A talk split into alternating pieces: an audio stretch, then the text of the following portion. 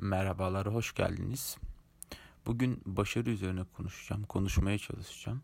Öncelikle başarı nedir? Akademik mi, sosyal mi, yani sosyal çevre mi, ekonomik mi, dış görünüş mü, aşk hayatı mı yoksa hiçbiri mi?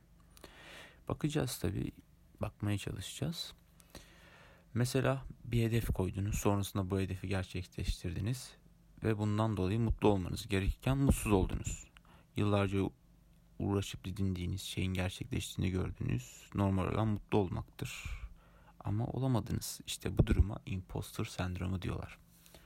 Kısaca bu sendrom sahip olunan bütün yeteneklerin sahte veya taklit olduğunu düşünülmesi. Yani kişinin kendi iş dünyasında hesaplaşması diyebiliriz kısaca.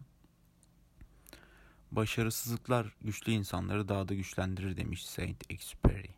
Peki zayıf ya da normal insanların başarısızlıkları sonucunda daha da güçlenebilirler mi yoksa kötü bir hale gelirler mi? Kafalarda soru işareti.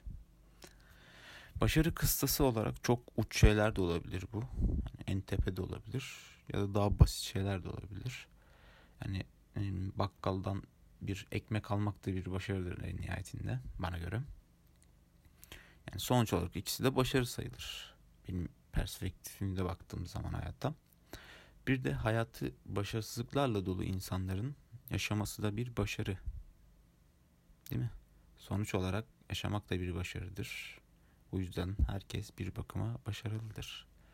Teşekkür ederim dinlediğiniz için. Dinleyenler, dinlemeyenler ve hiçbir zaman dinlemeyecekler. İyi günler.